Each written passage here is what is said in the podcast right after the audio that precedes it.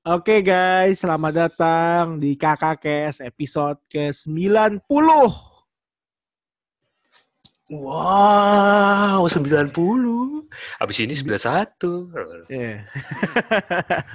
Hari ini, malam ini, malam minggu, seri biasa lu, seri biasa kita bersama, seri Omami. Obrolan Obrol. malam minggu. Yoi, taktis. Teng, teng, teng, teng, teng. Ada Gisel. Udah kayak apa OVJ dulu ya. Nah, host Kenalkan diri dulu kali dong. Ya, diri, iya oke. Eh, gue host tercinta lu Muhammad Awi Karuniado dan ini co-host kita yang kita cintai juga. Siapa namanya? Yang juga leader daripada MLM KKKes. Benar KKKes sekali. sekarang udah kita mau daftarin sebagai MLM ya. Iya, ntar, Tunggu tanggal mainnya kita mendap- mau mendapatkan downline downline. ntar nama Bersama nama saya hmm? nama Leader. resminya ntar PT tipu menipu ya. Yoi. Tipu daya muslihat yo. Ah, tipu dah ya Muslim. Udah kayak fuckboy. Yo, fuckboy Bekasi nih. Ih, fuckboy Bekasi, gue fuckboy Eh, gue Tangerang belum aja. kenalin dulu dong siapa gue. Gue adalah Niko Ferdinand Jonathan SH dan calon MKKN. Wih, Uh. sekarang udah ada gelarnya ya. Hmm. Tapi nggak apa-apa lah. Gimana gimana Bapak Edo? Kita Nah. masih ini ya. Podcast kali ini masih menggunakan meeting online pakai meeting aplikasi Zoom. online benar. Jadi mohon maaf kalau misalkan nanti ada suara yang dersek-dersek atau suara yang up delay ya. Karena emang koneksi internet kita kebetulan lagi semerawut. Seperti kehidupan kehidupan kita. ya. Yoi. Semoga Tep- kehidupan Anda tidak semerawut seperti kita. Yoi. Nah, tapi kenapa tetap walaupun internet seperti ini tetap kita paksakan untuk bikin podcast karena sesuai dengan janji yang kita katakan yaitu Hmm. edisi-edisi Omami tetap berjalan. Sebisa Yoi. mungkin ya kita penuhi dong janji kita ya nggak? Hmm. Karena Bukan sebisa mungkin sih. Ini demi kelangsungan ini ya, cuan juga ya. oh jelas dong gila kok gak usah bacot kali ya. Udah kita akui aja lagi ini demi cuan. Ini demi cuan ini cuan. demi cuan, cuan, cuan. Gak ada. Hidup itu tidak butuh duit. Mustahil. Bullshit. Tidak ada orang kayak gitu. Kita semua butuh cuan dan apa itu lagi? Popularitas juga mungkin kali ya. Famous, famous, famous. Kita biar kita masuk Halo Fame ya. Alah, yoi. Halo Fame di Hollywood. Ntar ada nama, kakak kes jadi. Yoi, diinjak gitu ya kan. Yoi. Anjing. Diinjak tuh, bukan diinjak-injak ya. Radio. Oke, lanjut. Nah, hari ini kita mau bahas apa nih di malam malam minggu yang indah ini kita mau bahas apa nih? Di malam ini. Malam Ah. ini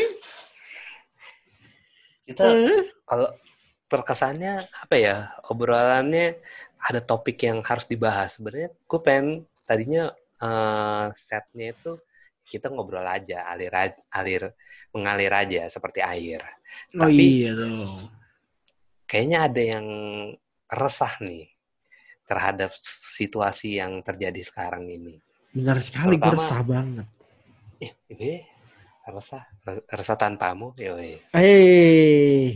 Hei, mumpung malam minggu nih ya Malam- harus mumpung sedikit malam minggu. menjurus-menjurus. Tapi eh, beberapa hari ini gue sedikit agak resah sih jujur kayak dan Bapak Edo kalau Bapak Edo nanti ada apa waktu dan tempat lah yang akan dipersilahkan. Tapi eh, gue akan em, membuka sedikit gitu yang akan mungkin menjadi apa ya obrolan kita malam kali ini kali ya. Jadi beberapa hari lalu adalah temen gue dan juga temennya Edo gitu. Um, dia posting soal gaya hidup new normal dengan sepedahan. Sebenarnya nggak apa-apa, itu kan untuk kalau untuk sehat itu dinormalkan lah ya, maksudnya diperbolehkan dan juga emang tujuannya dari sepedaan ya tu- tentunya mengurangi polusi dan juga menjaga apa eh, daya tahan tubuh gitu biar uh, virus terutama COVID ini juga menjauh gitu. Tapi ada yang yang penting gitu ketika uh, orang itu berperilaku uh, di sosmed. Kan tujuan kita di sosmed kan tentunya untuk memamerkan kan, memamerkan segala sesuatu, baik itu pemikiran maupun itu barang maupun itu apa pun. Da, uh, dan waktu itu kemarin sih tepatnya itu dia waktu itu ngepost teman kita ini mm-hmm. ngepost soal apa ya sepedaan. Dia tulis caption panjang banget. Pokoknya intinya gue sempat singgung karena waktu itu kan sempat ada case uh, di dekat rumah gue itu ada orang naik sepeda pingsan lalu meninggal kan karena dia maksain badan meninggalnya karena serangan jantung. Nah, gue kasih waktu itu forward ke dia tuh udah dikonfirm forward ke dia dia cuma balasnya gini makasih ya Nick udah ngingetin oh oke okay. gue bilang gitu Wah, berarti karena dia waktu itu lagi hobi banget sepedaan sepedanya nggak kira-kira lagi tiba-tiba 20 kilo gitu sekali goes setiap hari itu dia kayak gitu gue lihat nih di sosmednya Soalnya dia kan suka kasih rute perjalanan gitu kan, ada aplikasinya. Oh iya nah, dong. Kan mm, kan ingat ya, di zaman ini kamu olahraga saja tidak cukup. Kamu harus tunjukin Yoi. itu ke Instagram story. Karena tidak Betul. hanya sporty, kamu harus juga trendy. Itu itu itu, itu itu harus itu, itu harus. Kalau enggak lu tuh nah. kurang gitu loh, kurang banget. Kurang men, kayak lu kurang gaul lah istilahnya gitu, kurang kurang apa sih ngikutin tren. Dan akhirnya waktu apa ya berkaca eh, berbicara tentang ngikutin tren, dia ngepost kan kemarin ngepost tentang fotonya uh, foto sepedanya waktu itu. Foto sepedanya ya post tentang ngikutin tren. Nah. Ya gue sih apa terus dia waktu itu uh, apa ya nulis kayak apakah ngikutin tren itu menjadi sebuah masalah ya kalau menurut gue ya gue bilang enggak enggak ngikut enggak enggak masalah Cuman yang menjadi masalah adalah lu kalau lu ngikutin tren tapi nggak tahu esensinya itu sih. Dan juga ya tujuan lu dari bersepeda apa gitu. Tujuan lu dari ngikutin tren itu apa gitu. Jadi kalau kalau bersepeda gunanya untuk sehat, untuk nurunin berat badan ataupun nurun apa ya, untuk ya kegiatan uh, uh, transportasi gitu menggantikan motor mm, gitu. Yes. Nah, itu menurut gua keren sih. Tapi kalau untuk ya sekedar update di sosmed, tapi sehari-harinya lu ya, istilahnya pola hidupnya nggak sehat juga gitu. Makan masih nggak teratur, tidur masih ngaco, terus juga apa ya uh, istilahnya hmm, ya pokoknya intinya gaya hidup lu masih ngaco lah. Ya lu percuma gitu sepedaan. Berarti lu tujuannya ya ikutin tren dong. Ikutin tren uh, bukan bertujuan untuk mencari uh, kegiatan yang positif gitu maksudnya untuk hidup sehat tapi tujuannya ya supaya lu dicari-cari orang aja di sosmed gitu supaya lu nggak ketinggalan zaman yoi, istinya yoi. gitu.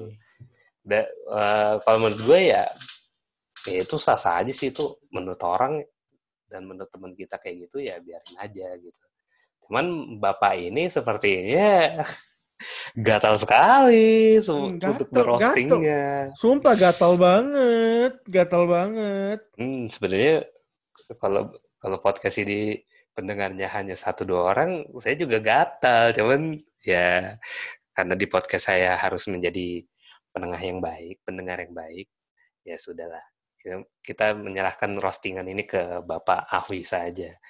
Gimana Pak Ahwi tanggapannya? Enggak gini loh, gini loh. Pertama gini dulu loh ya. Udah gini-gini sambil goyangin cincin kan ya ada. Eh, kayak tempeleng ini ya. Apa ya? Jadi tuh gini, um, masalah ini ya, masalah sepeda. Uh, bersepeda itu tidak apa-apa, seperti yang dibilang sama Bang Niko. Bersepeda itu tidak apa-apa. Namun bersepeda cuma karena tren tren doang, itu yang tidak boleh. Kayak itu kan berarti lu sebenarnya cuma ngikut-ngikut doang, lu nggak ada lu lu nggak ada niat bersepeda untuk menyehatkan badan, untuk menjadikan itu sebagai oh, iya. mode transportasi gitu. Lu cuma mau hmm. mau trendy doang. Dan hmm. dan trendy lu itu nggak nggak tepat dengan momen seperti ini gitu. Gue tahu lu pengen sehat. Tapi bersepeda keluar dan segala macem di momen-momen corona-corona ini ya bahaya dong itu namanya cari penyakit boy cari penyakit ya cari penyakit itu kayak orang-orang CFD CFD kemarin tuh yang di Jakarta tuh itu sebenarnya cari penyakit deh itu CFD itu cari penyakit deh penyakit deh Iya, itu. Lucu sekali Bapak ini. Lanjut aja. Karena ya apa apa kalau misalnya lu mau trendy di saat saat corona ini sebenarnya apa yang lu cari? Mati dalam Hmm. keadaan sporty gitu atau gimana? Bingung aku dengarnya. Ya bingung juga saya juga kalau menjelaskan CFD kemarin. Bi- bingung bingung gitu loh. Dan lagi kalau kalau misalnya untuk beberapa kandidat, beberapa orang nih, ya, individual nih Hmm. kandidat terserah lah mau ngomong apa, peserta-peserta ini, ya mereka mereka bersepeda ya kan, taruh di Instagram gitu, eksis dan segala macem. Tapi ya cuma setengah-setengah gitu. loh. Waktu ditanya berat badannya gimana, eh, pola makannya ada berubah apa belum? Eh belum berubah. Eh lah, eh, itu artinya tak guna lah kau olahraga-olahraga itu kan. Waduh. Waduh.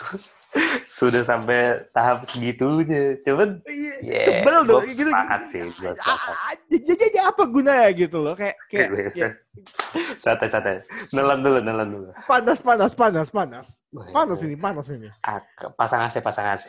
AC-nya 1000 PK. Udah udah, udah seribu PH nggak bisa bayar aku listrik ntar. Iya, terus Ya, ya mak- maksudnya jadi kayak aneh gitu kan. Ya ya berarti kan cuma keluar untuk mendapatkan apa sportifnya apa sporty sportinya doang sama trendy trendinya Hmm. doang gitu loh tapi nggak dapat Hmm. elemen paling penting yaitu healthy healthynya itu yang nggak dapet gitu atau sebenarnya itu bersepeda sebagai kegiatan pelarian kalau lu bosen di rumah aja. Waduh. Gimana tuh? Se- sekarang ini ini ini kurang ajar nih ya. Kayak gimana kayak gini kayak kayak gini nih ya. Kayak lu bosen di rumah. Gue terima, yes bener itu Hmm. adalah hal yang wajar. Kita semua bosan di rumah ya kan, udah tiga bulan di rumah nih. Kemungkinan Iya, besar Juni Juli di lockdown, iya kan? Gara-gara lockdown PSBB, kemungkinan kan besar. minggu depan, eh, minggu ini udah dilarang lagi kan. Gara-gara kemarin yang Hmm, melewati batas. Akhirnya bener. pemerintah tutup lagi. Ya udah. Terus Nah, iya gini loh, lu bosan tuh wajar. Udah tiga bulan di rumah, udah masuk bulan keempat malah nih ya, kan dari Maret Hmm. sampai Juni nih. Mungkin, mungkin loh, mungkin Juli pun bakal kena lockdown lagi. Karena kan kita ngeliat angka corona sekarang udah 52 ribu kan. Sehari Iya. nambah 1.300 tuh banyak Hmm. banget itu. Itu itu bukan beras loh, itu tuh orang itu. waduh. Iya kan? Iya. ha. Dan lu keluar cuma gara-gara mau ikut trendy dan lu bosan pengen ngabisin waktu gitu loh. Kenapa kamu kawan? Apa? Apa ada apa dengan dirimu? Eh, coba Cak cerita dulu, Cak cerita dulu. Itu di Instagram story sering cerita, tapi tak pernah ngomong sama temen-temennya masalahnya apa. Gimana? Iya, iya. Hmm. Atau mungkin mereka gengsi kali Pak, teman kita ini. Teman-teman kita ini jangan teman kita. Teman-teman kita ini mungkin ada yang gengsi, ada yang enak, ada yang ya takut ngeganggu kali gitu. Gue sih positif aja lah. Walaupun kadang-kadang sekali ngomong bangsat juga ya. Gue positif aja lah. Azu. Sebenarnya di balik kata-kata itu banyak maknanya loh, Pak. Di balik Iya. kata-kata gue positif aja lah. Berarti gue udah se-hopeless itu sama teman-teman kita yang yang istilahnya hanya mengikuti tren sesaat lah istilahnya supaya ya lu nggak ketinggalan zaman gitu. Demi apa ya ketenaran di sosial media gitu. Ya gue tahu apa ya lu berlomba-lomba menjadi selebgram apa sih gunanya kalau menurut gue gitu. Ya lu menjadi diri lu sendiri aja. Makanya gue kalau misalkan nggak nggak apa nggak nggak ada konten gitu nggak ada yang bisa gue bagikan di sosmed ya ngapain gue update sosmed gitu ya udah. Bahkan gue cuman terakhir update sosmed yang masalah itu doang. Yang apa orang naik sepeda meninggal. Terus habis itu udah ada ada dua yang repost gue anjir. Hmm. wah viral deh. Gue gue sempat gitu apakah saya tanda-tanda saya akan viral? Ya ternyata tidak. Tapi ya udahlah. Ya gue kan cuma bagi ini tuh supaya jadi pelajaran aja ya. Ya bodoh orang ya. nah ini berbi apa ya berbicara tentang teman kita kita hidup ini kan harus bersosialisasi nih yoi Benar, benar. bridgingnya udah enak ya pembukaannya udah enak Yoi. karena bersosialis- bersosialisasi kan perlu lah ya karena supaya untuk bertahan hidup lah salah satunya namun dalam perjalanan kehidupan kita pasti ada saja teman-teman kita yang langsung saja toksik. Nah, iya ini, kan? ini, Aduh, ini, ini, ini, ini, ini loh yang perlu diadres ini toxic toxic ini toxic toxic apa sih? Hmm. Teman berani kita yang hmm. yang dalam tanda kutip ya sebenarnya nggak nggak merugikan kita secara langsung, tapi ada dampaknya ke kita gitu. Merugikan sih nih kalau gue bilang nih. Merugikannya kan ada ada yang langsung tapi gue juga pengen menyebut ada yang gak langsung gitu. benar benar. Tapi kalau bagi ulahnya di ulahnya dia. Tapi kenapa nah. yang kita yang suka dirugiin gitu? Atau nah. ulahnya dia langsung merugikan kita gitu kan?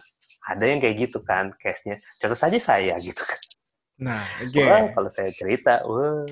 Jadi jadi kita coba coba kita cerita singkatnya aja nih. Coba coba nih. Versi singkatnya aja komprehensif uh, tanpa membuka identitas atau menyenggol pihak mana pun. Hmm. Ya kok perihal toxic ya, toxic friendship. Toxic itu friendship tau gak sih? friendship mana ada yang toxic ya. ya. Jadi ya di perjalanan kehidupan gue ya tiap hmm, tiap gue ketemu di di mana pun ya di perkuliahan, di pekerjaan, di ibad di ibadah di tempat gereja gitu. Ya pasti ada orang-orang kayak gitu dan gue cukup cuek sih dalam menghadapi orang-orang kayak gitu ya terutama.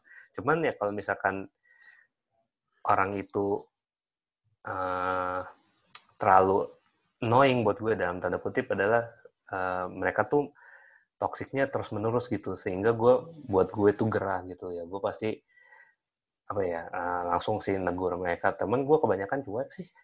Karena menurut gue masih dalam ta taraf ini mereka tuh toksiknya dalam taraf yang ya mereka ya buat kayak gitu nggak setiap saat ya. Cuman uh, ada beberapa saat di mana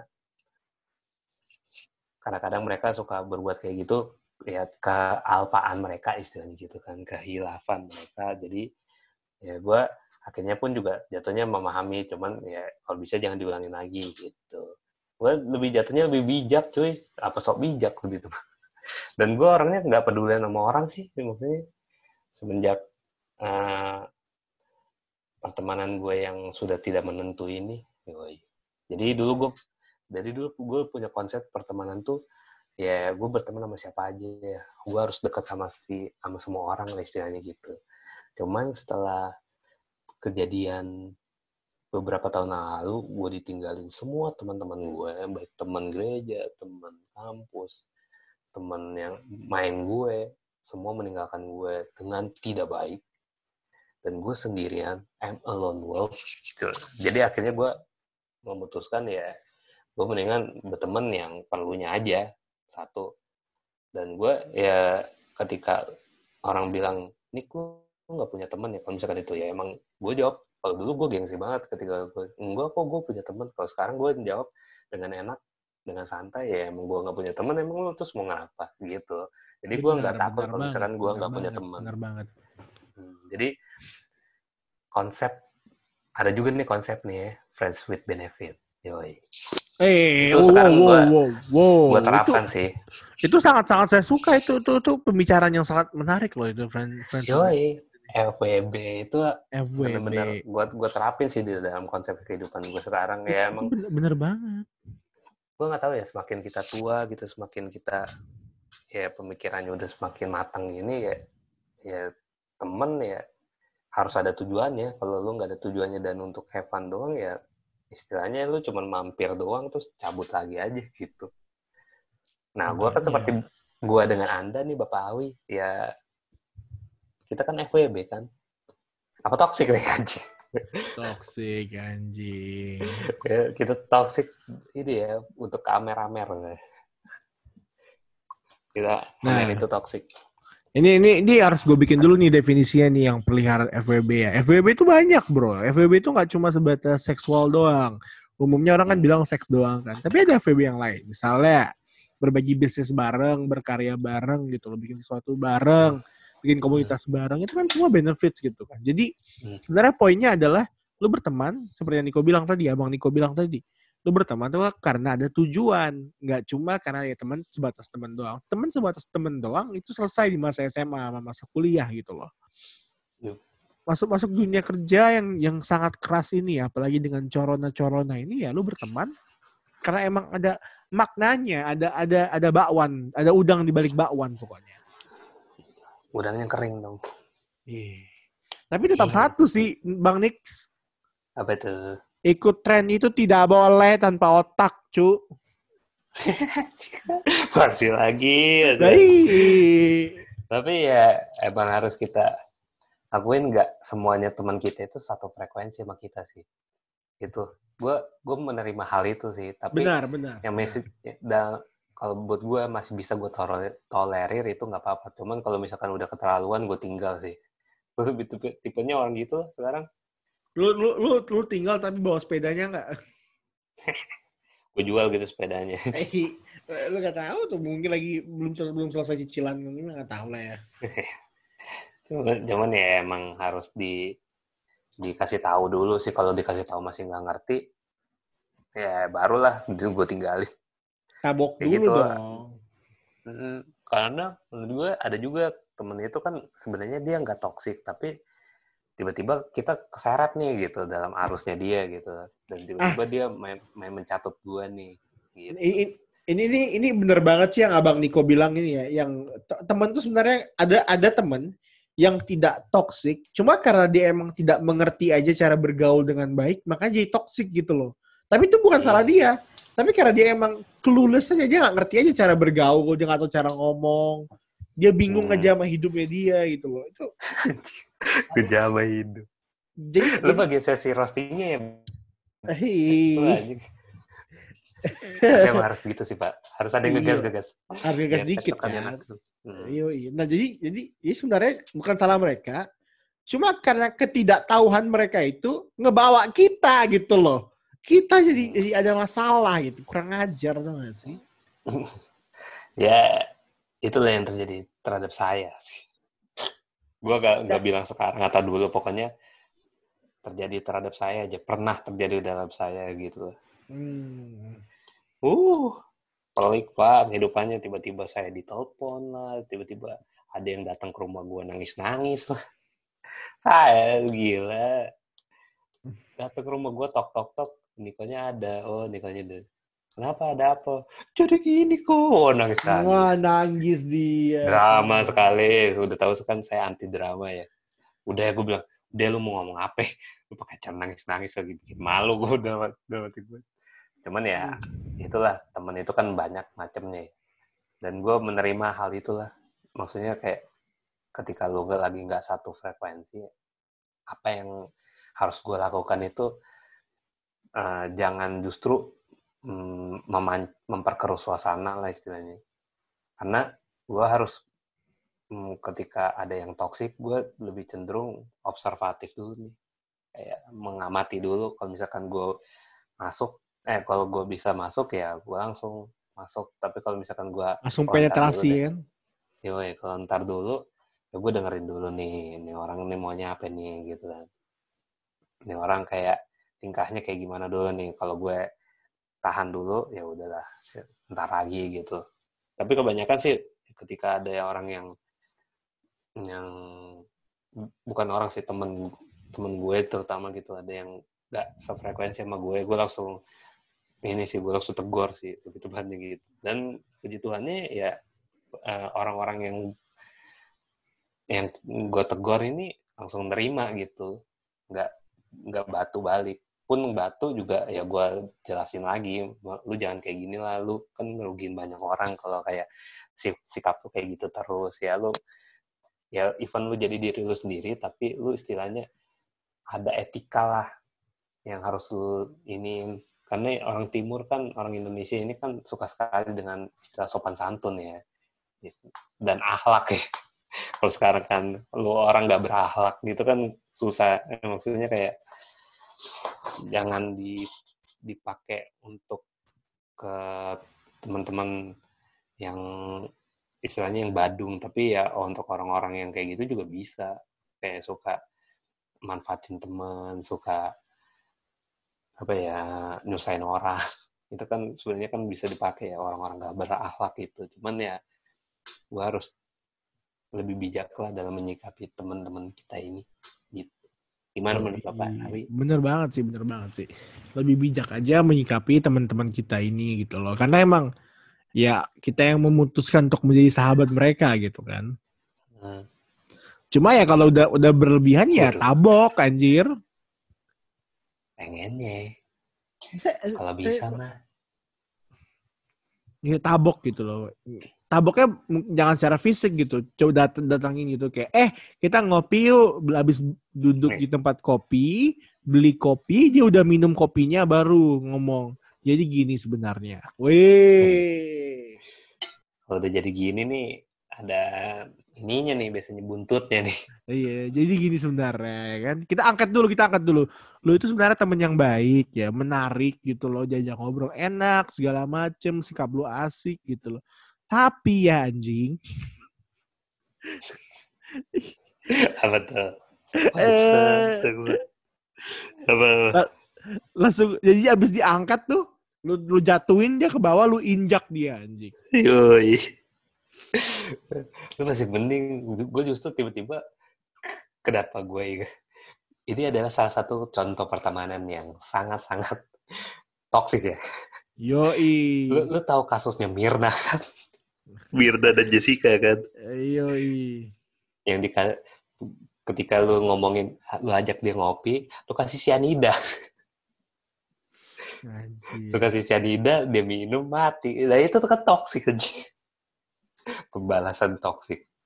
Nah, emang harus kalau menegur pun juga kalau menurut gue ya, ya ada ada timingnya lah bukan ada waktu dan tempat ya ada timingnya lu tunggu momentum yang pas kira-kira apa nih? Dia mau gerak gimana nih?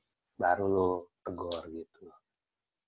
Hmm. cuman menurut gue kayak menegur temen itu gimana ya? Hmm, banyak orang yang susah untuk menegur temen kayak karena nggak enak gitu Bray. Hmm. Hmm, kalau hmm, kalau gue sih karena gue sempat gitu di dalam fase ya gue nggak enak negor teman cuman makin sini menurut gue udah makin kayak kaleng rombeng.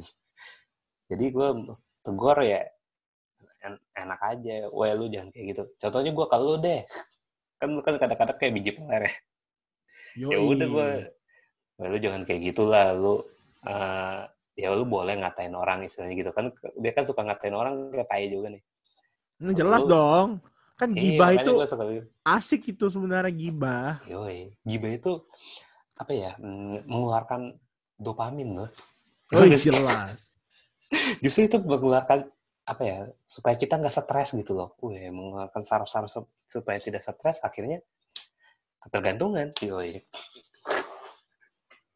Itu dia. Jadi ya ya jadi kalau gue negornya kalau ke si Bapak Ahwi ini apa ya ngomongnya nyantai aja lah kalau bisa jangan terlalu ngegas banget gitu. Pun kalau dalam berbisnis juga kalau bisa jangan jangan terlalu inilah relax saja bro relax yoms hmm, apa perlu kita panggilkan gue masak Ih, tolong udah, udah gak ada ya gue masak sih. Kan kan bulan depan baru tutup di bulan Juli, ya, sekarang kan masih Juni. Iya kayak gitu, bro. Relax saja. Kita lihat timingnya. Terus uh, itu dari gue cukup panjang juga ya dari saya ini. Sekarang gue balik untuk menanyakan gimana nih kalau Bapak Ahwi Karuniado dalam menyikapi teman. Kalau gua kan lebih panjang dan tidak berisi ya. Kalau lu semoga lebih pendek dan juga lebih bangsat sih. Gila lah, anjing. Gue tuh gimana Pak Ahwi? Kalau menyikapi teman itu, gue tuh sangat jelas gitu loh dalam arti kata gue berteman dengan, dengan seseorang karena gue tahu tujuannya apa gitu kayak sama kayak lu nggak udah udah udah bebas lah ya fase-fase berteman cuma demi teman gitu doang Gak bisa gitu loh. Kayak berteman, uh, ya gue berteman sama lu karena lu menarik, lu lu pinter, lu bisa diajak ngobrol dan segala macem. Dan kita bisa kita berdua nih, gue dan lu bisa menjadi orang yang lebih baik dalam persahabatan ini gitu loh. Makanya ya, kan benefits banget gitu loh karena ya kalau berteman cuma berteman doang ya hai hai doang ya tongkrongan dong, nggak nggak naik dong levelnya ya kan. Sorry Pak, sebenarnya cuma satu sih kuncinya, nah, saling nah. support nah. Pak Ah bener saling Iya. support itu, support system kan jatuhnya kan? Yo, lu inget kan pas kita pas lu sedang down-downnya ini bikin podcast kan? Siapa yang ngomong di di apa dua kopi itu kita harus bikin podcast lagi hidup yoi. Yo, Ini sayang banget nih. Ini ini ini bakal gede nih gue gue bilang. Itu pertama kali gue ya terus ya padahal per- waktu itu gue pengen ngo ngoceh aja tapi gue nggak ada sarananya. Jadi kayak Hmm, yoi. terus lu kebetulan ada podcast tapi mau meredup ya udah kita bikin dan langsung episode 90. Ya, lanjut. Iya anjir.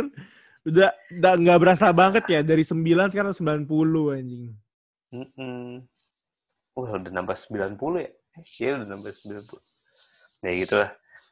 Jadi, eh, pertemanan Bapak Hawi Karuniada ini kan didasari atas friends with benefit nih. Mm-mm. Dan lu, Sama kayak lu Ah. juga. Jangan jangan ini dong. yoi. Dan lu juga nggak nggak masalah kan lu kalau bisa kan dibilangin orang, eh lu nggak punya temen nih. nggak masalah sih. Karena gue juga Oke. udah udah ya udah udah ya kalau zaman dulu kan lu masih pikirin gitu kan. Lu gue gue nggak ada Hmm. temennya gitu-gitu. Sekarang udah kayak Iya. Bomat ngentot. Iya.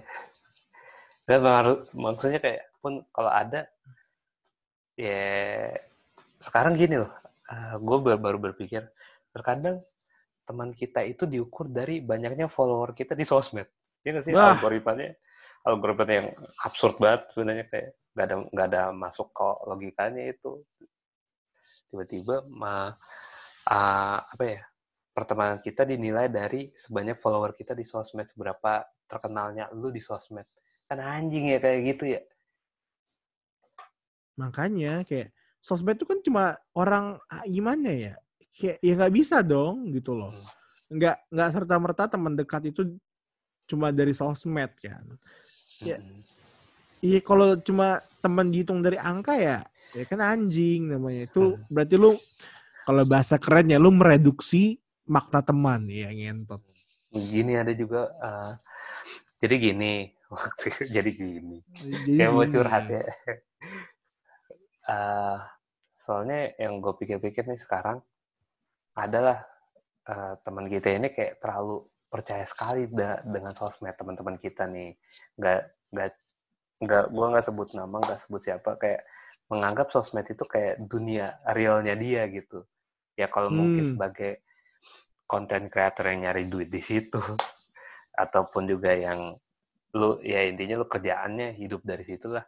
Digital digital kon kreator gitu. Ataupun apa ya lu sah-sah aja gitu. Mengikuti pergerakan gejala yang ada di sosmed ya silahkan gitu. Ya menganggap eh, itu sebagai dunianya lu gitu. Tapi lu jangan jangan apa ya terbuai lah istilahnya. Kan kalau gue menganggapnya tuh sosmed itu eh, isinya orang-orang fake ya Yoi. ya ya apa ya semua orang tuh bisa menjadi bukan yang dirinya gitu. Contohnya aja kan hate speech di Twitter kan padahal aslinya mah be eh, orangnya kayaknya kelihatannya alim tapi kalau di sosmed be isinya radikal satu kedua ya kalau ngomong tajam banget padahal kalau di aslinya mah kayaknya kelihatannya orang baik gitu kan istilahnya kan banyak fake people kan kalau kayak gitu. Benar, benar banget, benar banget. dan eh, ada aja teman-teman kita nih yang masih percaya sama hal-hal kayak gitu gitu sama hal-hal yang ada di sosmed gue bukannya me, me- apa ya me, memberitahu bahwa ke pendengar bahwa sosmed itu dianggap sebagai hmm, apa ya bukan dunia asli ya tapi kayak suatu kebutuhan gitu. Ya emang kebutuhan tapi kebutuhannya kebutuhan yang nomor sekian gitu jangan kebutuhan utama. Yes, Jadi- yes. tolonglah maksudnya ke orang-orang atau teman-teman kita yang masih percaya kayak sosmed itu harus di dan harus di apa ya di diutamakan gitu. Dibandingkan kepentingan-kepentingan lain kecuali lu emang kerjaannya lu hidup di situ. Nah itu nggak apa-apa. Tapi Hmm. kalau misalkan lu cuman sebatas sebatas cuman mau pamer ataupun sosokan mau jadi selebgram tapi gatot ya bertingkah seperti orang normal lainnya gitu. Jangan jadi so asik. Dan kebanyakan orang kayak gitu kan so asik kan. Iya dong. Itulah. Sok asik dong biar terkenal dong. Nah itu tuh yang konsep yang menurut gue salah ya. Lu lu mendingan jadi diri lu sendiri aja deh kalau kalau gue. Lu kalau jadi diri lu sendiri ya lu nggak peduli omong omongan orang. Ketika lu ditanya eh, lu gak punya teman? Ataupun ih follower lu banyak ya di sosmed tapi tuh di dunia aslinya kok nggak ada temen wah itu gue pernah juga tuh dengar kata-kata itu tuh.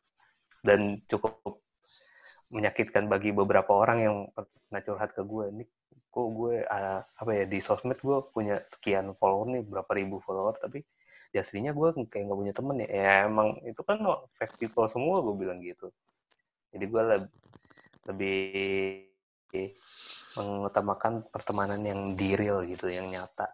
Gimana Bapak Awi? Sepertinya sudah mulai bosan gitu kan? Enggak lah, enggak lah. Maksudnya kayak gue gue setuju banget, apa setuju bener yang lu bilang. Uh, karena gini loh, Nick, pembicara kita ini satu nada gitu loh. Apa yang apa yang lu pikirin itu udah setuju aja sama gue. Gue juga pikirnya sama gitu loh. Kayak persahabatan, ya gue juga prefernya persahabatan yang real, yang yang, yang nyata gitu loh. Nggak munafik kan, maksudnya kayak ya lu gua ngomong kayak gini setuju setuju aja ya karena gue yang ngomong gini kalau enggak mah anjing tuh sini kan tuh ntar di belakang gitu enggak kan Ah, enggak. Selalu. Enggak deh. Gue, gue.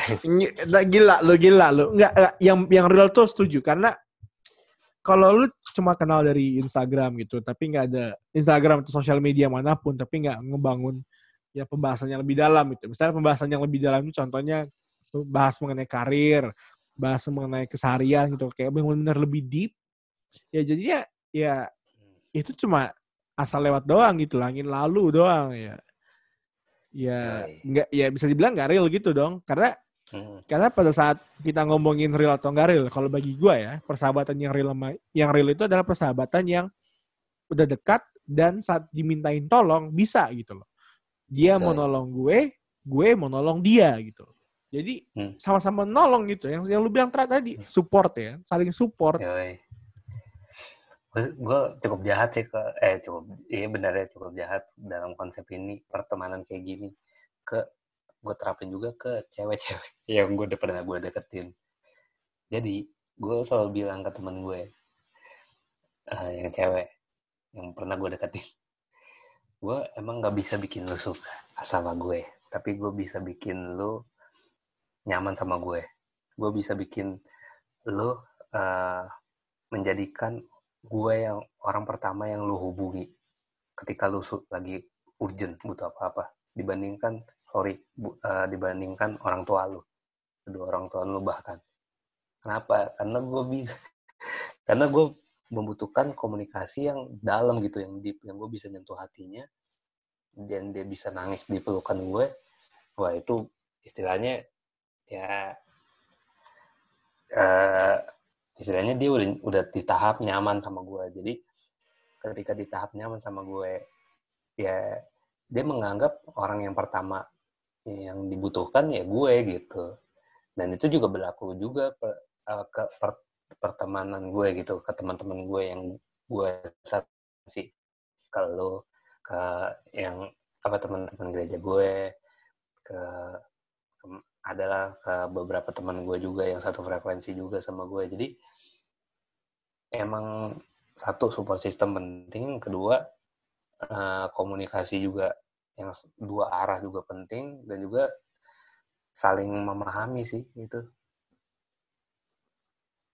yes. Yes. Kan apa yang lu bilang tuh udah bener banget. Dan dan eh, oh ini juga yang pengen gue bilang ya teman namanya apa yang kita bicarakan ini yang Niko, Bang Niko bicarakan, yang gue bicarakan. Ini kan senada hmm. nih.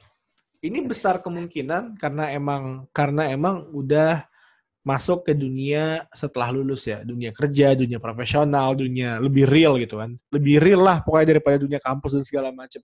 Jadi kalau misalnya teman-teman yang dengerin masih kuliah, masih SMA, ya kemungkinan besar nggak relate sama apa, apa yang kita bicarakan gitu loh. Itu itu sih karena dunia setelah kuliah, dunia setelah sekolah itu sangat-sangat kejam ya. Parah kejamnya.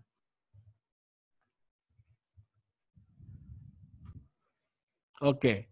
Um, untuk menutup episode kali ini nih, karena kita udah bicara panjang lebar juga dan poinnya udah tersampaikan dengan tepat.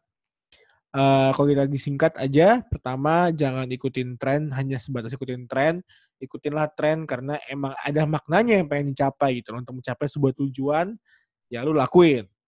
Kedua, mengenai persahabatan, pila-pila persahabatan lu, jangan sampai ada yang toksik. Kalau ada yang toksik, ya lu lepasin kan. Udah saatnya lu bersahabat untuk saling mendukung, untuk saling ngebantu gitu loh. Nggak, nggak cuma membuat lu berdiri atau berjalan di tempat yang sama bertahun-tahun. Gila namanya. Nah yang terakhir, di bawah anteng aja kalaupun misalnya lu nggak ada temen. Ya anggap aja sendiri gitu loh. No problem gitu. Ya karena emang ujung-ujungnya yang bisa lu, han, lu andalkan 100%, 100% loh ya. 90% bisa lu dapat dari teman paling dekat, bisa dapat dari mama papa, adik kakak. Tapi kalau yang benar-benar 100% ya dari diri lu sendiri. Nah, itu ketiga poin yang kita bicarakan di podcast kali ini, di Omami kali ini. Terima kasih udah mendengarkan. Uh, salam, salam sejahtera. Salam dari gue dan dan co-host kita, salah satu dari leader dari dari Kakak Kes, leader dari Kakak Kes yaitu uh, Bang Niko Ferdinand Jonathan. Oke, selamat malam minggu. Bye bye.